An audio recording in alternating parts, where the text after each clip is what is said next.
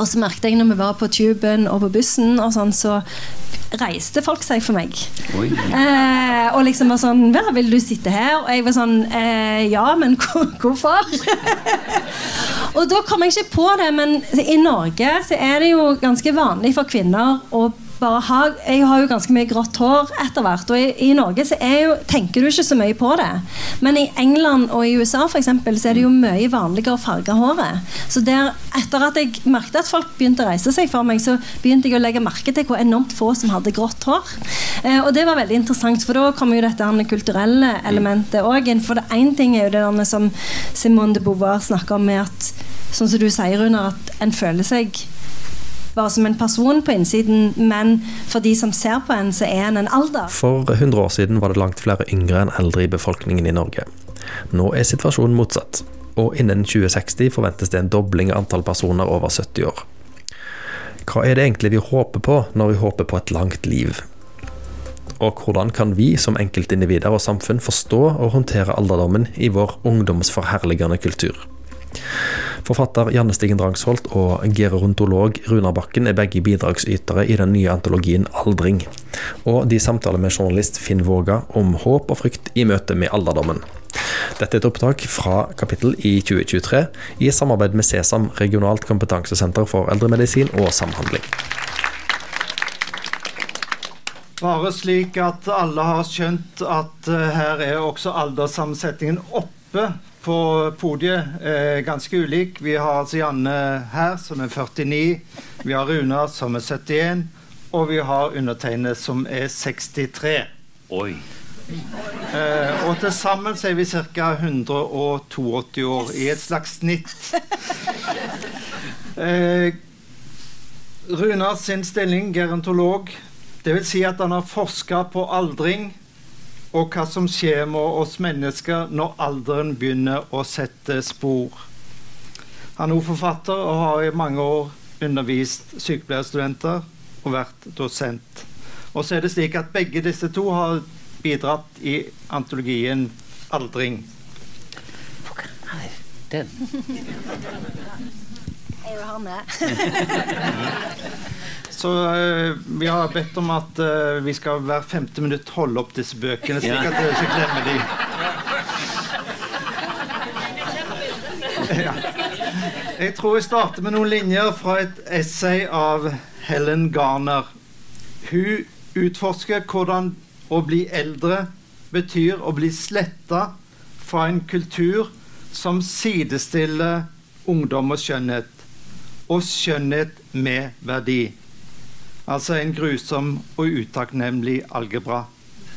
Hun skriver ansiktet ditt er rynkete, håret ditt er grått, så de tror du er svak, døv, hjelpeløs, uvitende og dum. Det antas at du ikke har noen meninger og ingen standard for atferd. At ingenting, absolutt ingenting, som skjer i nærheten av deg, er din sak. Runar Bakken, mm. hva er å eldes? Ja. Eh, jeg fikk lyst til å kommentere det, det, det utsagnet der, fordi at det, eh, det tror jeg uh, gjelder, det du leste opp, det gjelder for uh, å si hver kvinsen, hver mannsen. Altså for de aller fleste, men ikke for Gro Harlem Brundtland. Ikke for Kåre Willoch. Ikke for maktpersoner. Altså folk som har og, altså, Når jeg hørte på, eller hører på Gro Harlem Brundtland, eller når jeg hørte på, på, på eh, Hva var han het igjen? Hva var det du sa nettopp? Kåre Willoch. Det er sånn det begynner så er det sånn at jeg lytter først og fremst til hva de har å si. Og så kanskje jeg legger merke til at det er litt mer poser under øynene og litt mer poser over øynene. og litt sånn forskjellig. Men så, sånn at det, dette med å bli spilt utover sidelinjen, det har også andre dimensjoner. F.eks. noe med posisjon og hierarki i samfunnet å gjøre også. Men at de aller fleste, og særlig kvinner, kan oppleve det, det er jeg ganske sikker på. Hva var det du spurte om? Nei, det, du husker ikke. Nei. Hva er det å elde Ja. Um, um, altså, hvis vi skal ta det helt sånn biologisk, da, så har vi rett og slett et lite, et lite eh, felt, som man vil kalle det, i vårt genom som fra vi er født og til vi når fertil alder, bidrar til modning.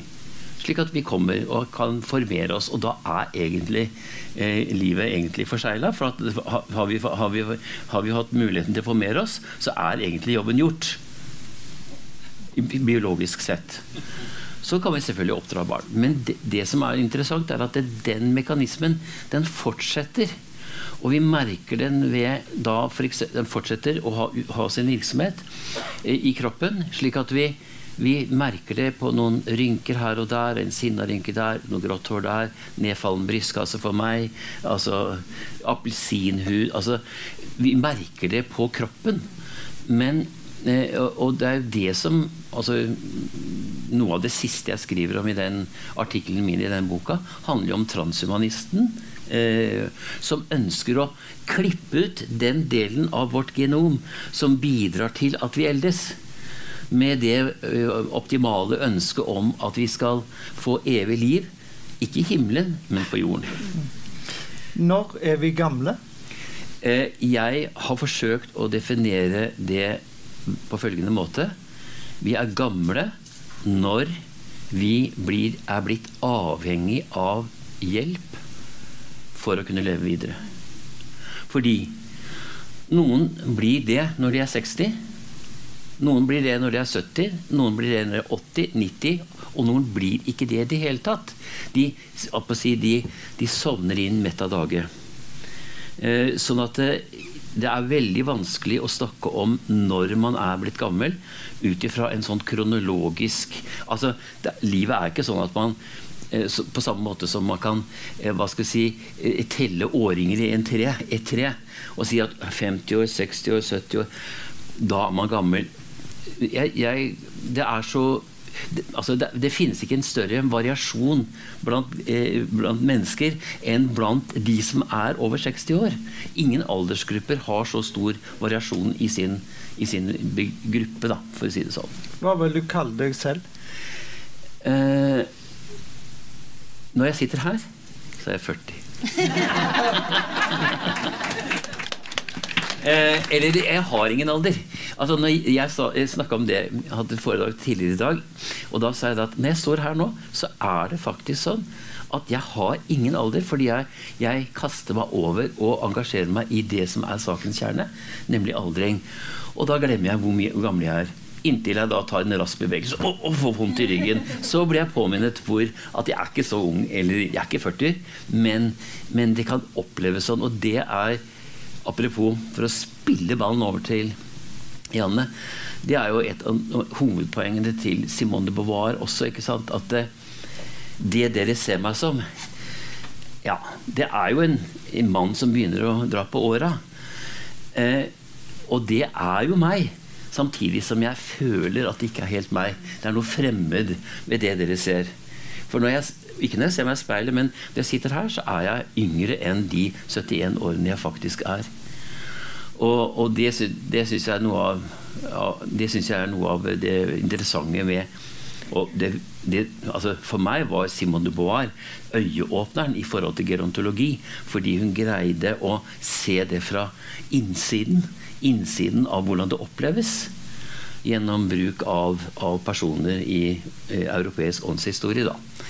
Men, men, eh, men eh, Så det er en stor forskjell på den faktiske, hva skal jeg si, objektive eh, antall år man er, og hvordan det oppleves.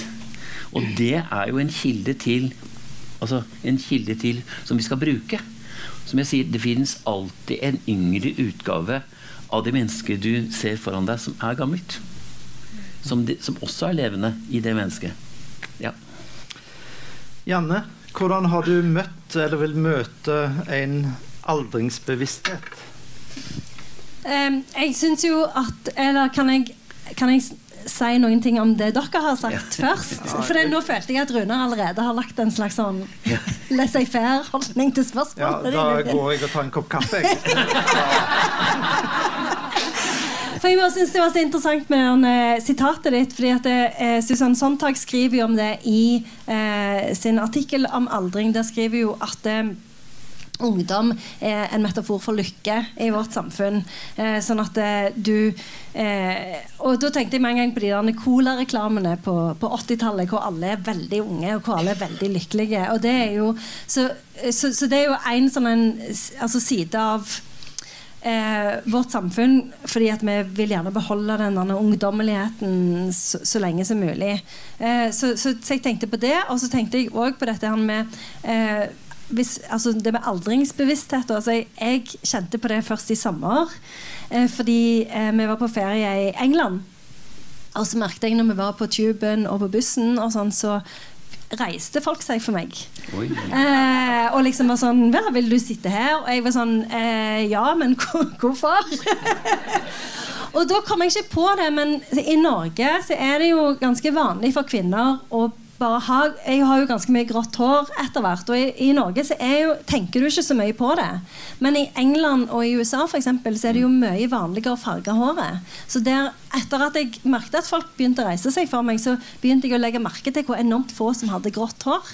Eh, og det var veldig interessant, for da kommer jo dette her kulturelle elementet òg inn. For det én ting er jo det der som Simone de Beauvoir snakker om med at Sånn som du sier, Runar, at en føler seg bare som en person på innsiden, men for de som ser på en, så er en en alder. Mm. Eh, men så er det dette kulturelle elementet i tillegg, da, med hva er det kulturen oppfatter som, som å være gammel, da. Som er mm. noe annet igjen. Mm. Jeg hadde så lyst. Ja, har du lyst, så har du lov. Ja. Men har du vett, la det være. Nei da, jeg vil ha det. Jeg har, jeg har, skrevet litt om akkurat det der med ungdomsideal, altså ungdom og altså en opphaussing av det ungdommelige rent sånn estetisk, altså sånn utseendemessig. Eh, jeg tror drivkraften bak det er også i vår tid enn noe annen. Nemlig sånn helsepolitisk, da. Vi, ikke kulturelt, men helsepolitisk, så, man, så, har man blitt eller, Man legger opp til at man skal være Idealet, for å si det sånn, da setter det på spissen, er at man skal være selvstendig og uavhengig. Uavhengig lengst mulig. Det er et ideal. Og hvem er det som er presumptivt selvstendige og uavhengige? Jo, de er de unge. Så på en måte det, vi kommer inn i en sånn ungdomsstyrking via et ideal som handler om at vi skal være selvstendige og uavhengige. For det er det som til syvende og sist kan bidra til at helsevesenet ikke bruker så mye penger på oss, for å si det sånn.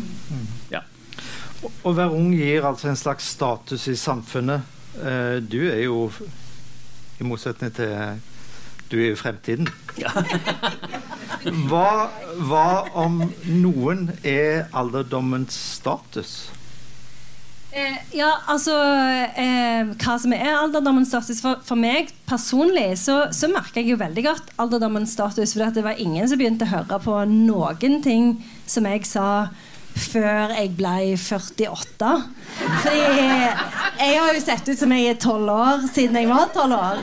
Eh, så, så, for meg så har det vært en fordel å bli litt eldre, fordi, eh, fordi det har gjort at jeg har sett mer voksen ut. da. Eh, men det er jo sånn eh, I den eh, artikkelen som jeg har skrevet, så, så, så siterer jeg jo en sånn en um, European Social Survey som ble lagd i 2012, så den er kanskje litt sånn utdatert nå. Men, men der, jo, eh, der, sier de jo at det, altså, mennesker i 40-årene er jo de med aller høyest status i samfunnet. For når du er 40, så hører alle på deg. Men etter det så går det jo litt nedover. Og det er jo veldig interessant det som du sa, Runa. fordi jeg er jo helt enig, for jeg merka jo i valgkampen, mm. når jeg så Gro Harlem Brundtland på TV, mm. så var jeg jo sånn Å, herlighet, kanskje jeg skal stemme Arbeiderpartiet? Ja. Jeg, jeg, må høre alt det hun sier. Men så har du jo òg motsetningen til det som jo er den amerikanske mm. valgkampen som har begynt. Og der er det jo med, med Mitch McConnell og liksom med alle de Sånn som så nå var jo eh, eh han eh, Zelenskyj på mm. besøk i USA, og ser jo, alle ser jo ut som de er kjempegamle. Mm. Så der fremstår det jo mer som et problem mm. på mange måter. Og ja. det er jo òg veldig interessant fordi, altså, når er det det tipper over? Mm. Når det tipper over, ja. Jeg kan huske altså, Du sier 40. Eh, jeg, hadde, jeg, jeg skulle invitere til et selskap eh, mennesker som jeg ikke hadde sett på veldig lenge. Da var jeg rundt 50. Jeg sier det først fordi at eh, da jeg åpna døra for en som jeg ikke hadde sett på veldig mange år, så sa han 'Neimen, har du fått hengekinn?' Ja, det har jeg, ikke sant? Og, det, og jeg løp inn i gangen for å se om faren min hadde det, og det hadde han. ikke sant? Så sier jeg ok, det er genetisk. ikke sant? Så slapp av. Men det var første gang, og det, altså, jeg tror ikke det var vondt ment. Det var bare, bare glapp ut av den. ikke sant? Eh, har du fått henge eh, da begynte jeg å få en bevissthet. Altså for det, Da så jeg ned Ja, ja, ja. Det er flere ting som har endra seg. Men jeg tenker sånn at når du har barn, så er du veldig bevisst hvor gammel du er. Jeg kan huske når jeg selv var fem år, hvor jeg og lekekameraten Lisbeth som sto og spiste epler, og så kom det et menneske forbi og sa 'Hvor gammel er dere?' Og jeg, og jeg tok sjansen, eller jeg visste ikke hvorfor, men så sa jeg, jeg tenkte, jeg tenkte jeg er fem år, sa jeg. ikke sant? Og det var veldig mye, syns jeg. Og så når du da går over i ungdomsårene, så, så blir det mindre og mindre aktuelt. I, til du da er nådd eh, Så du kan gå på polet og gjøre hva du vil. Men fra du liksom har blitt voksen og helt fram til du er 50, så, så er det ofte utdanning og familie og barn og vise sånn. Og da glemmer Akkurat som aldring blir, er, er, med, altså, det er et begrep som ikke har mening. Ikke før du begynner å se at ungdommen i huset begynner å vokse til og snart skal begynne å reise ut. Det er da du begynner å altså Både personlig, ved at du får sånne bemerkninger om at du har hengekinn, pluss at ungene er i ferd med å forlate. Da får du en økt bevissthet om, om at årene har gått, altså. Eh, og, mm, så, så jeg var 50 da jeg begynte å få det. Og det er du neste år, Janne. Bare for minne deg på det. Da skal vi komme og sjekke. Men det er jo Jeg kan ikke bare For Det er jo også veldig interessant, for det snakker jo Susann Sontag om, og den artikkelen er jo skrevet i 1972. Ja. Og jeg merker jo at det har skjedd en del siden 1972. For hun snakker om det at liksom, det er ikke lov å spørre om hvor, hvor, eh, hvor, gamle kvinner er. Mm. Og fra kvinner er 21, så begynner de liksom å være veldig sånn um, klar over sin egen alder. Og, mm. og, og det ikke, altså jeg kjenner meg mer igjen i din beretning enn Susan Sontag. Mm. Og det er jo helt sikkert også kulturelt, men jeg tenker det sier litt om, om det samfunnet vi har klart å lage i Norge. Da. Så hurra for oss. Ja, ja, ja, ja. absolutt. absolutt. Hvor mange litterære storverk har aldring som et hovedtema? Det er, så, det er ikke så enormt mange. Eh, og det tror jeg òg, for jeg har jo tatt med meg masse bøker, for jeg begynte å lese litt for mye. Eh, men jeg leste bl.a. John Didion eh, sin bok Blå, eh, 'Blå kvelder', som jeg vil anbefale alle å lese, for den er helt sykt bra. Men der snakker jo om det at det, For hun skal jo skrive om aldring. Mm. Og, og dette her er jo ikke sånn en kjempelang bok. Uh, den er Hvor mange sider er den? Skal jeg sjekke sånn rundt 200 sider.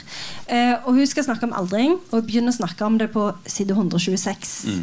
Aldringen og dens tegn er og blir livets mest forutsigbare hendelser. Likevel er og blir de også ting vi foretrekker å la ligge unevnt, uutforsket. Og det gjelder òg litteraturen. Mm. En har ikke så veldig lyst til å skrive om, om aldring. Og en tenker liksom, altså Hvis en skal tenke om litterære verk som, som, utforsker aldring, så tenker en gjerne litt på sånn Shakespeare eh, sin King Lear, f.eks. Ja. Og der ble jo aldring presentert som en slags galskap. Altså det er jo liksom, King Lear går jo, han går jo ut altså I stykket så sier han sånn ja, jeg, jeg, skal dele opp riket mitt nå mellom mine tre døtre fordi at jeg vil gå til døden eller vil krabbe til døden uten liksom å ha noen bør å bære på. Og så går han jo rett inn i galskapen og blir helt sånn usammenhengende. Mm. Eh, og det tenker jeg også, for jeg har jo I den artikkelen har jeg jo skrevet en del om eh, Linn Ullmann sin 'De urolige', hvor hun jo beskriver aldringen til Ingmar Bergman. Og der også er det jo sånn at De skal liksom De skal eh, ta opp altså de skal lage noen sånne eh, opptak av at han snakker, og, og utforske denne aldersprosessen. Men etter hvert så legger jo de opptakene fra seg fordi hun sier at han blir forrykt. Han, hun liksom vil ikke Hun orker ikke å skrive ned det han sier. Og, og der tenker jeg at en er liksom litt inne på sånn som alderen. altså Det er liksom noe med at når du skal skrive ned alderen, så er det allerede for seint. på en måte. At det er, noe sånn, det er en slags sånn galskap forbundet med det. Og det tenker jeg er litt sånn knytta kanskje opp mot den definisjonen din mm. i stad, Runar, med dette her med at når du er gammel, er når du ikke kan klare deg sjøl mm. lenger, når du er avhengig av mm. andre sin omsorg. Mm. Men med så mange eldre i samfunnet burde det ikke vært en genistrek for en forfatter å skrive en bok om aldring? Jo, jeg skal skrive masse om aldring. Men det, men, det, er jo veldig interessant, for det var jo en artikkel om det på NRK i dag. Om Japan, f.eks. Mm.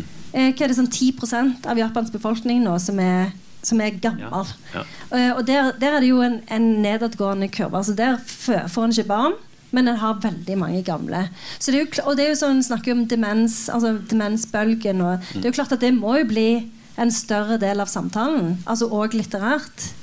Og du behersker jo japansk. Du kan vel skrive den boka på japansk? Ja, ja, og det har jeg òg tenkt å gjøre. Vi gleder oss til neste kapittel, Janne. Hvordan, Runar, skal vi forstå alderdommen? En biologisk degenerativ prosess der resultatet er gitt fra det øyeblikket vi er født, og der utgangen er døden? Er det en prosess som bare skal få gå sin naturlige gang? Eller er det noe som i dette samfunnet som vi roper på behandling og mm. Ja, det er jo et eh, enormt spørsmål å stille til ja, gerontolog. Si. Ja, fordi at det er det. Det er det. Det er, eh, ja, altså, det er, vel den tyngste empirien man kan finne på å ha, eller finne å finne. Det er jo det faktum at det er ikke ett menneske som har overlevd andringen i hele verdens historie. Ikke si det, Runar. Det gir et litt håp? Men det gjelder ikke meg. Det gjelder alle andre. Jeg, nå kommer jeg på det Jeg husker jeg gikk på vei til gymnaset, så husker jeg jeg tror jeg er unntaket. Tenkte jeg på meg selv. Da var jeg 18 år. Men det har skjedd noen ting. Nei, altså, det er sant. sant? Menneskets eksistensielle grunnvilkår er at vi fødes, og vi eldes, og så dør vi. Eh, når jeg sier det f.eks. For i foredrag, så er det noen som sier at ah, Må du si det, da? Må du liksom si det? Så, tidligere så sa jeg sånn at ja, det er, eh, det er sant det er, min, det, er, det er, så ubehagelig å høre på. ikke sant? Så sier jeg ja, men det er ikke mindre sant av den grunn. ikke sant? Jeg er nok mye mer myk nå. at Jeg, er ikke noe veldig opptatt av å slenge den sannheten i ansiktet på folk. Fordi at det er en prosess som Apropos prosess. Det er en prosess som, som går i rykk og napp. Altså jeg, husker, jeg, jeg, er midt inne i et sånt forskningsprosjekt nå. Jeg satt sammen nå nylig med en eldre kvinne som sa det sånn Eh, nei, det er, det er så, Først så har du barndom og ungdom. ikke sant? Og så har du paringstiden. Den er fra 20 til du er 50. Og det er paringstiden, skal den til. Det er da vi liksom har oss. Og så kommer det fra 50 til 60. Da skjer det noe nytt. Så du er midt i det nye. Det skjer noen endringer. Veldig vanskelig å beskrive. Og fra 60 til 70 så skjer det ytterligere noe nytt. Og det for meg, det nye, det, det som, det nye som skjer, er at det blir sånn det er jeg ikke interessert i. Det er jeg ikke interessert i. Det er jeg ikke interessert i. Det er jeg interessert i. Altså en veldig sterkere prioritering om hva du vil bruke tiden på. Eh, ikke sant? Jeg ser ikke på NRK. Jeg orker det ikke. Jeg gjør ikke det. Jeg leser heller bøker. Som jeg, altså Den skal jeg lese nå. ikke sant? Jeg plukker ut ting. Og det blir du veldig mye flinkere til, syns jeg. Og da der tror jeg det er mye helse, hvis man greier det. Hvis man greier å prioritere det man faktisk syns er meningsfylt. Og der er jeg litt inne på, eller tilbake til Simon de Bois, som sier at skal man på en måte bidra til at gamle mennesker kan leve Jeg vil oversette henne med å si helhjertet til siste slutt. Så må gamle mennesker gjøre eh, gradvis det de oppfatter som det mest meningsfylte. Og det kan være forskjellig. Absolutt. Men jeg har en, jeg har, eh, jeg har en sånn sak sammen med Sissel Gran. Vi reiser rundt og, og, prater litt om disse tingene. For hun har skrevet en bok som heter 'Inni er vi alltid unge'. Og, og den tittelen på det foredraget, eller den samtalen vi har, da, det er, det, det er 'Glem deg selv'. Altså, jeg tror det er mye helse i å ikke bli opptatt av at 'å, her er jeg vondt'. Og hva kan det med den magen være for noe? Altså veldig, for du får tid til det vet du, når du går inn på pensjon. Du får tid til å bruke mye tid til bekymringer. Fordi du vet at Jeg vet at jeg har i snitt kanskje tolv år igjen å leve. Så det er jeg forholder meg ikke til det hele tiden, men allikevel. Så det er mye, mange, mange, anledninger til å, til å bli bekymra. For helseangst. Men da er det viktig å glemme seg sjøl. Glemme det ved f.eks. å lese en bok, eller et eller annet prosjekt som gjør at du kan fordype deg og glemme deg sjøl. Det tror jeg det er mye helse i. Men Helsevesenet er ikke opptatt av det jeg sier. Helsevesenet er opptatt av at du skal trimme og trene og løfte jern og svette fordi de har en formening om at da vil vi bruke minst helsekroner. Men det er et annet kapittel. Eh, ja. Hvorfor er du så veldig imot dette aktivitetshysteriet? Fordi at det er en ens... Altså eh, hvor skal jeg begynne? Det er et forferdelig spørsmål du stiller. Altså, Eh, jeg, så, jeg, jeg, setter meg på argumentsykkelen annenhver dag. Så jeg er ikke imot det. Jeg er imot det når folk er blitt gamle, dvs. Si avhengig av andre mennesker for å kunne leve videre. Altså Det er ikke ett gammelt menneske jeg har eh, intervjua eller prata med, som ikke har lagt for dagen en utrolig evne, ikke bare evne, men også energi, for å greie seg sjøl. For å greie seg sjøl. Og som en av de jeg nå nylig har samtalt med Jeg trente to fra jeg var 60, så trente jeg to ganger daglig. Aktivitet. Men en dag sa det stopp. Jeg har aldri røyka, sa han. Jeg har vært leder av lesesirkel. Men en dag sa det stopp. Jeg har levd mitt liv. Nå vil jeg bli tatt vare på. Så det er, det er, i den fasen av livet jeg er så uendelig forbanna på aktivitetshysteriet. Ikke forut for det. Ikke forut for det. Men fordi at det er det som det følger gamle mennesker inn i, i, i, institusjonene, slik at de skal mot sin vilje omtrent trene og trene for å prøve å komme, bli mindre altså For at de skal være mindre til belastning for helsevesenet. For helsevesenet er knekjørt ikke sant, i forhold til bemanning. Men ingen fare for at du kommer til å se Trim for eldre på NRK? Jo, det kunne jeg godt tenke meg. Hvordan tror du, siden du er den unge, at vi bør møte frykten for å bli skrøpelig, avhengig av andre? Eh, bør det være knytta noe skam til det? Ubehag? Nei, jeg tror, ikke, jeg tror ikke, det. Men jeg tror, sånn som John Didion skriver om i den boka hun skriver jo at hun, hun, forholder seg ikke til det å bli gammel. Hun at Legen sier jo til henne sånn Du tar det ikke på alvor. Og så er hun jo sånn ja, men jeg, mener jeg tar det ikke på alvor. Jeg forholder meg jo bare ikke til det. Mm. Men så kommer hun til et punkt hvor hun innser at hun klarer faktisk ikke å gå på de der stiletthælene mm. eh, lenger. Og hun kan ikke ha sånne tunge øredobber lenger.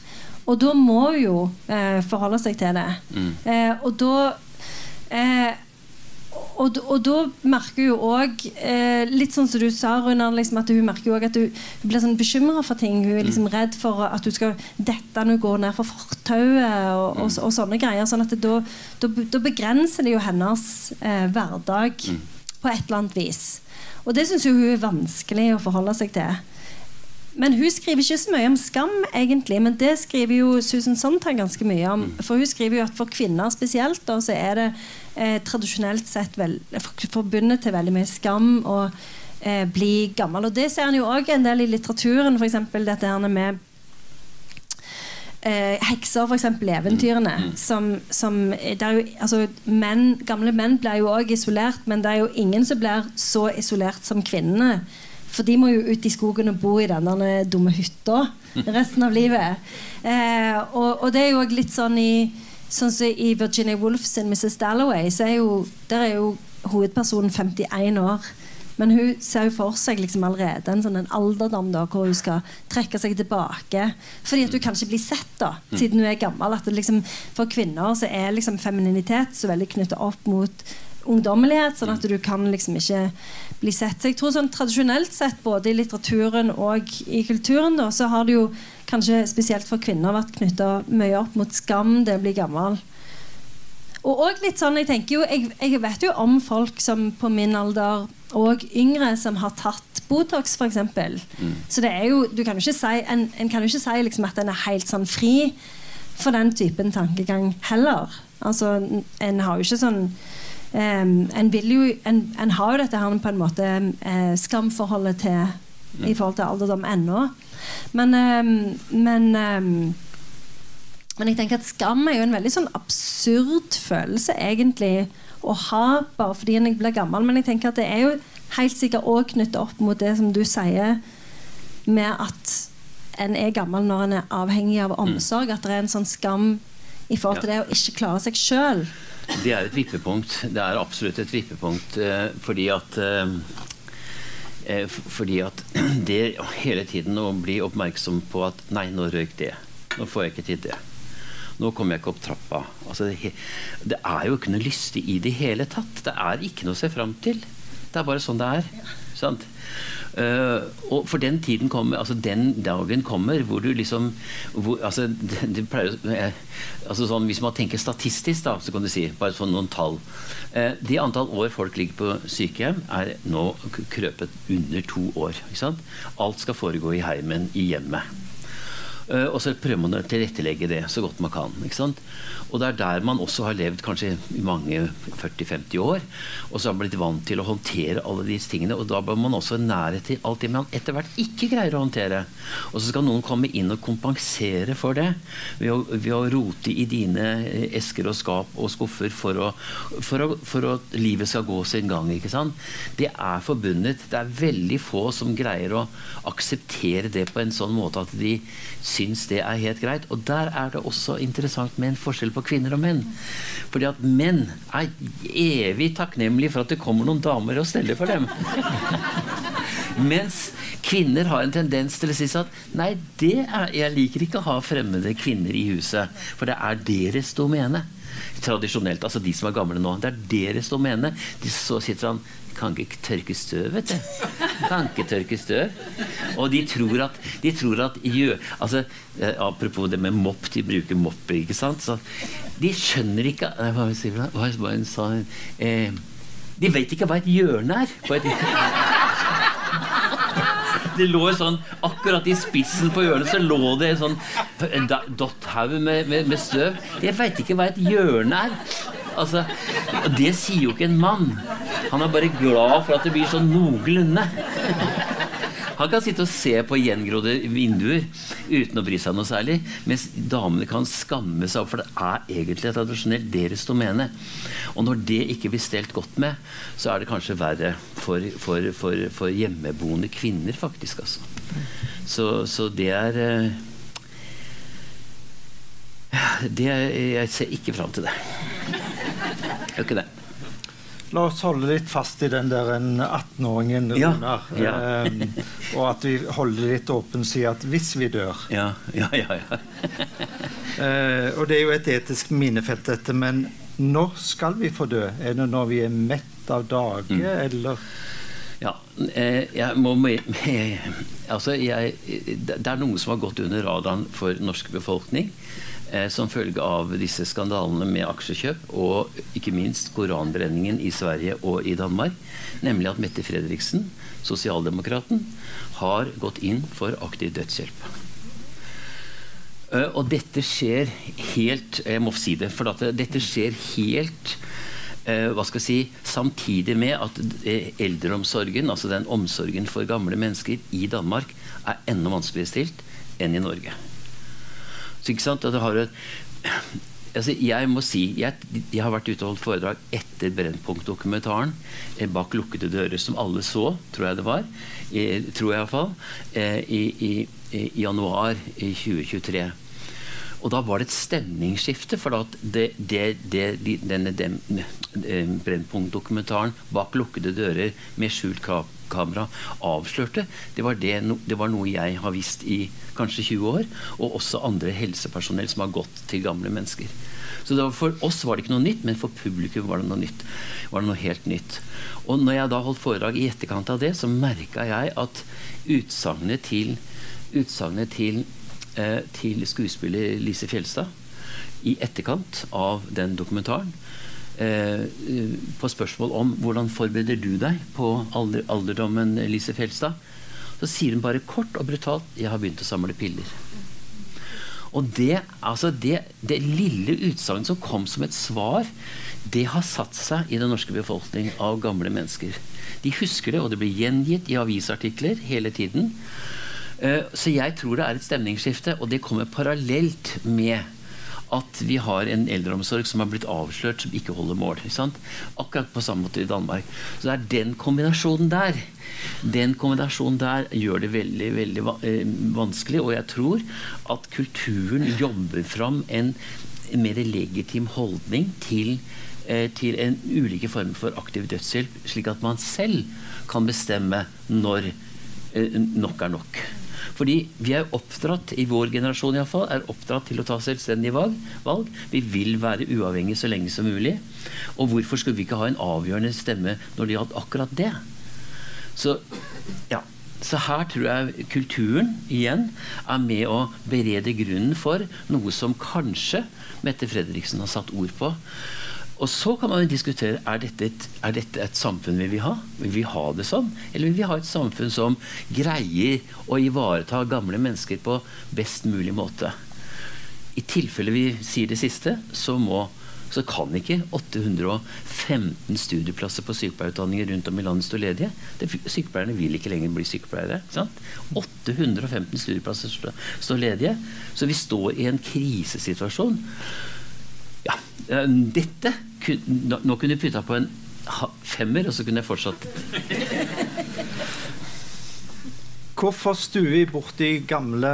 Burde vi ikke liksom alle være med og bære de ut i, i samfunnet som en påminnelse om at vi alle en gang skal bli gamle. Jo, men det er nok litt sånn som Rune har sagt, og det er jo òg sånn som John Didion skriver om i denne boka, fordi at du, og Simone de Beauvoir òg sier at det, liksom, det, med, altså det er jo litt med alder som med død, at du vet jo sånn teoretisk at det kommer til å skje. Men du tenker jo liksom at det, jo, men det kommer ikke til å skje altså Det er jo sånn som du sier når du var 18. Jeg tenker jo litt det nå. At ja, men jeg, for det er jo sånn så, eh, jeg, Susan Sontag, som jeg òg har lest i dag, hun òg skriver det at du tenker liksom at ja, men det, jeg får jo kanskje litt grått hår i, liksom i røttene, men jeg klarer liksom å opprettholde fargen utover. Altså, du tenker liksom ikke at det kommer til å bli Altså Det blir litt sånn rynker her og der, men det, du, du, klarer ikke å innse det emosjonelt. da Du klarer bare å innse det rasjonelt som en mer sånn hypotese. Mm. Så det tenker jeg er én grunn til at, til at en ikke liksom forholder seg til det. Så jeg tenker at liksom det med ja, Sånn som vi snakket om tidligere, dette med at at du får en eldre befolkning som er mer verbale, og som folk faktisk lytter til. At det er det som kommer til å gjøre forskjellen. Fordi at da er en plutselig en maktfaktor. Mm. Eh, fordi at det, det, er jo dette med at ja, altså sånn så for eksempel, Det er jo masse sånne dystopiske romaner. Mm. Hvor liksom blant annet en dystopisk roman som heter 'The Giver' av Lois Lowry. Som presenterer et slags sånn idealsamfunn som egentlig er en dystopi. Men der er det i hvert fall sånn at de har en sånn struktur hvor eh, de gamle blir liksom tatt livet av. Mm. Når de når en viss alder, så, så dytter de de utfor et stup, mm. rett og slett. Fordi at de er ikke interessert i å liksom å ha en befolkning som samfunnet må ta seg av. Hvis du ikke kan ta deg av deg sjøl og tjene samfunnet, så er du bare Da er en ikke, er en ikke nyttig. Så, så, det er jo liksom den der um, Nå husker ikke jeg hva spørsmålet var, uh, Finn. Nei. Kan du si det en gang til? For det var noe mer jeg skulle Nei. si. Nei. Nå. Nå. På, på, mange måter så føler jeg at jeg er en slags dommer i en tenniskamp. Du Janne, har jo vokst opp i tid med ekstrem velstand, og du er godt vant. Du er et luksusdyr, vet vi jo. Ja, og jeg har ikke tenkt å være med på bingo, for å si det sånn. hvordan vil du klare å unngå at du blir en kravstor, ufyselig gammel heks? Jeg, det er ikke mitt problem. Og jeg, det eneste jeg tenker på, er det som du runder at det er mindre enn to år. På, og det, da tenker jeg For jeg har tenkt å installere en sånn stolheis hjemme. så, så, jeg skal kjøpe noe i sånn eldre, eldresenter. Jeg syns det virker utrolig stress. Å være sånn det blir jo som å være på skolen igjen, da. At du må mm. være sosial hele tida. Mm. Så det, det, er ikke aktuelt. For jeg er litt på lag med Lise Fjelstad. Yeah. Og hun, hun, jeg, jeg, er med i Sanitetskvinnene. Mm. Og jeg fikk eh, medlemsblad i dag, og der var det intervju med Lise Fjelstad. Og der sier jo hun at du må være veldig rik yeah. for å bli gammel. Fordi at du skal kjøpe deg. Eh, champagne på fredagskveld og eh, litt sånn god stemning istedenfor bingo. Og det er jo òg noe å tenke på. Ja, det er, som, det er, jo noen som blir da eh, Innenfor det feltet som jeg jobber, da, så, så, er man jo redd for at det utvikler seg et todelt helsevesen.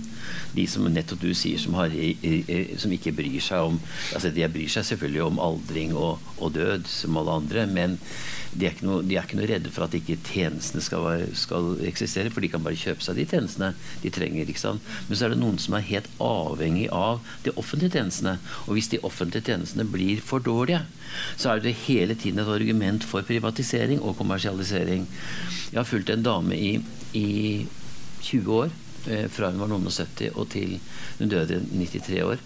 Og hun var eh, sosialdemokrat på sin hals stemte Arbeiderpartiet, skrev, skrev, brev til Jens Stoltenberg da han sto i, i altså den Utøya-tragedien. og 'Nå må du passe på deg sjøl, så du får i deg nok mat.' Og, altså. og hun fikk svar tilbake. Så hun var, altså, og hun har alltid stort på å få de tjenestene hun hadde krav på. Så får hun ikke det så får hun ikke det. Og hun er kanskje litt, kanskje litt mer nevrotisk enn andre, eller var. Så hun, når hun visste at hjemmetjenesten kom, så satt hun klar, påkledd klokka åtte om morgenen. For de visste hun hadde fått beskjed de kom mellom åtte og elleve. Og så hendte det nesten alltid at de kom ti, halv elleve, elleve. Hun tålte det rett og slett ikke. For da hadde de brukt opp tre timer, for hun ville være litt ordentlig og ta imot de. Og så var det alt det jeg fortalte i stad, nemlig at de, de, kunne jo ikke tørke støv, og de visste ikke hva et hjørne var. Så hun brøyt alle sine Hva skal jeg si Hun sa det sånn Jeg er jeg, For det første så er jeg ikke født gammel. Jeg har blitt det. Og jeg er gammel bare én gang i livet. Og den ene gangen jeg er i livet, den ene gangen jeg er blitt gammel, så vil jeg ha det ordentlig og godt. Så hun tok, altså hun hadde 300 000 på bankboka si, og hun brukte heller, brukte heller de pengene for å kjøpe seg private tjenester som hun da kunne stole på, visste hun kom akkurat presist, og som, altså som hun var fornøyd med. Uh, og så, ja, ja, så, så, sånn at det, dette med kommersialisering dette, altså, Hvis de offentlige tjenestene er for dårlige, så blir det et argument for kommersialisering av tjenestene. Og, og det er jo også veldig interessant, fordi hvis du tenker på sånn alderdom sånn tradisjonelt sett, så er det jo selvfølgelig sånn at det, at det å se gammel ut ja. Altså Hvis du er i middelklassen eller mm. eh, høyere, så, så, ser du jo gammel ut seinere ja. enn hvis du tilhører arbeiderklassen eller liksom ja, ja, ja. har hatt det. Altså, det er jo også en sånn, altså, alder har jo alltid vært knytta til klasse. klasse. på et eller annet vis. Ja, ja, ja. Absolutt. Med så mye alvor, så mye snakk om sykdom, død og elendighet, skal vi få litt sånn ungdommelig overmot og litt sånne gode råd på vei nedover bakken? Hvordan uh, skal vi klare å beholde livsgleden, slik at vi ikke dør før siste pust? Altså, Kort nå, Runar. Ja, nå skal jeg det jeg pleier å si til Jeg har en studenter, da, men altså det, det jeg oppfordra studentene til å, som jobba med gamle mennesker, det var det at når du står overfor et gammelt menneske, så må du vite følgende at du skal gjøre ditt ytterste for at det mennesket skal ha det morsomst og best mulig helhjerta, leve til helhjerta til siste slutt. Samtidig må du være klar over at det mennesket kanskje i løpet av noen få år kommer til å dø. Så denne dobbeltheten må vi alle også leve med. Men det er mye moro vi kan ha. Altså, hvis, jeg, hvis jeg tar det rasjonelt, da, som du sier, ikke emosjonelt. Og jeg sier at ja, kanskje siste gang jeg er i Stavanger altså, For det, det, kan jo være at jeg dør, men det, det, kan jo skje med alle. Men hvis det er statistisk sånn at jeg har ti år igjen å leve, fy flate og mye moro jeg skal ha de siste ti åra. Sånn tenker jeg. Altså Janne? Ja, jeg òg. Men jeg jeg tenker jo på døden hvert tredje sekund, så det er jo grenser for hvor mye gøy jeg klarer å ha i mitt liv. Eh, men eh, jeg er jo helt enig. Altså, jeg, liksom, jeg, har jo veldig tro på å stille det der spørsmålet Bør du slutte i jobben din på universitetet fordi du hater å jobbe der. Det er jo et viktig spørsmål. Nei, men jeg bare tenker Det er jo Ja, ja det er nettopp det. Herlig. Altså, ja, altså, at, du, at du kjenner etter istedenfor bare å være i den automatiserte bevegelsen hele tida. Eh, sånn som du sa, jeg ser ikke på NRK lenger. Mm. Altså Sånne spørsmål er utrolig viktige å stille seg sjøl, tenker jeg. Sånn, hva, altså, ikke, ikke, at en skal leve som et sånn en hedonistisk galning hele tida, men at en skal liksom faktisk stille seg en del sånn grunnleggende spørsmål. fordi vi lever jo i et sosialdemokrati, og vi vil jo gjerne være med på dugnad, og vi vil jo gjerne gjøre ting sånn som vi har blitt opplært til at de skal gjøre, så ikke være en byrde. Mm. Men jeg, det går jo an samtidig å, å stille seg sjøl de spørsmålene og kjenne etter hva er bra for meg. Mm. Og òg så tror jeg det som du sa, kjempeviktig, at du ikke kjenner etter så veldig hele tida, men at du prøver liksom å gjerne gjøre noe i stedet. Mm. At Lese en bok eller gå en tur eller et eller annet Glemme sånt. Glemme deg sjøl. Det, det, har i hvert fall jeg tenkt å gjøre mm. fra nå av. Da er det slik at siden vi starta å prate her oppe, så er vi alle sammen også dere blitt 45 minutter og 17 sekunder eldre. ja. eh, og jeg tror vi skal forlate hverandre her eh, før vi blir enda mer deprimerte. Eh, med et ønske til oss alle som er formulert av den eh, gamle grinebiteren Bob Dylan. Og det er med takk til Janne Stigen Drangsholt og Runar Bakken, så sier jeg May you stay forever young. Yes. Yeah.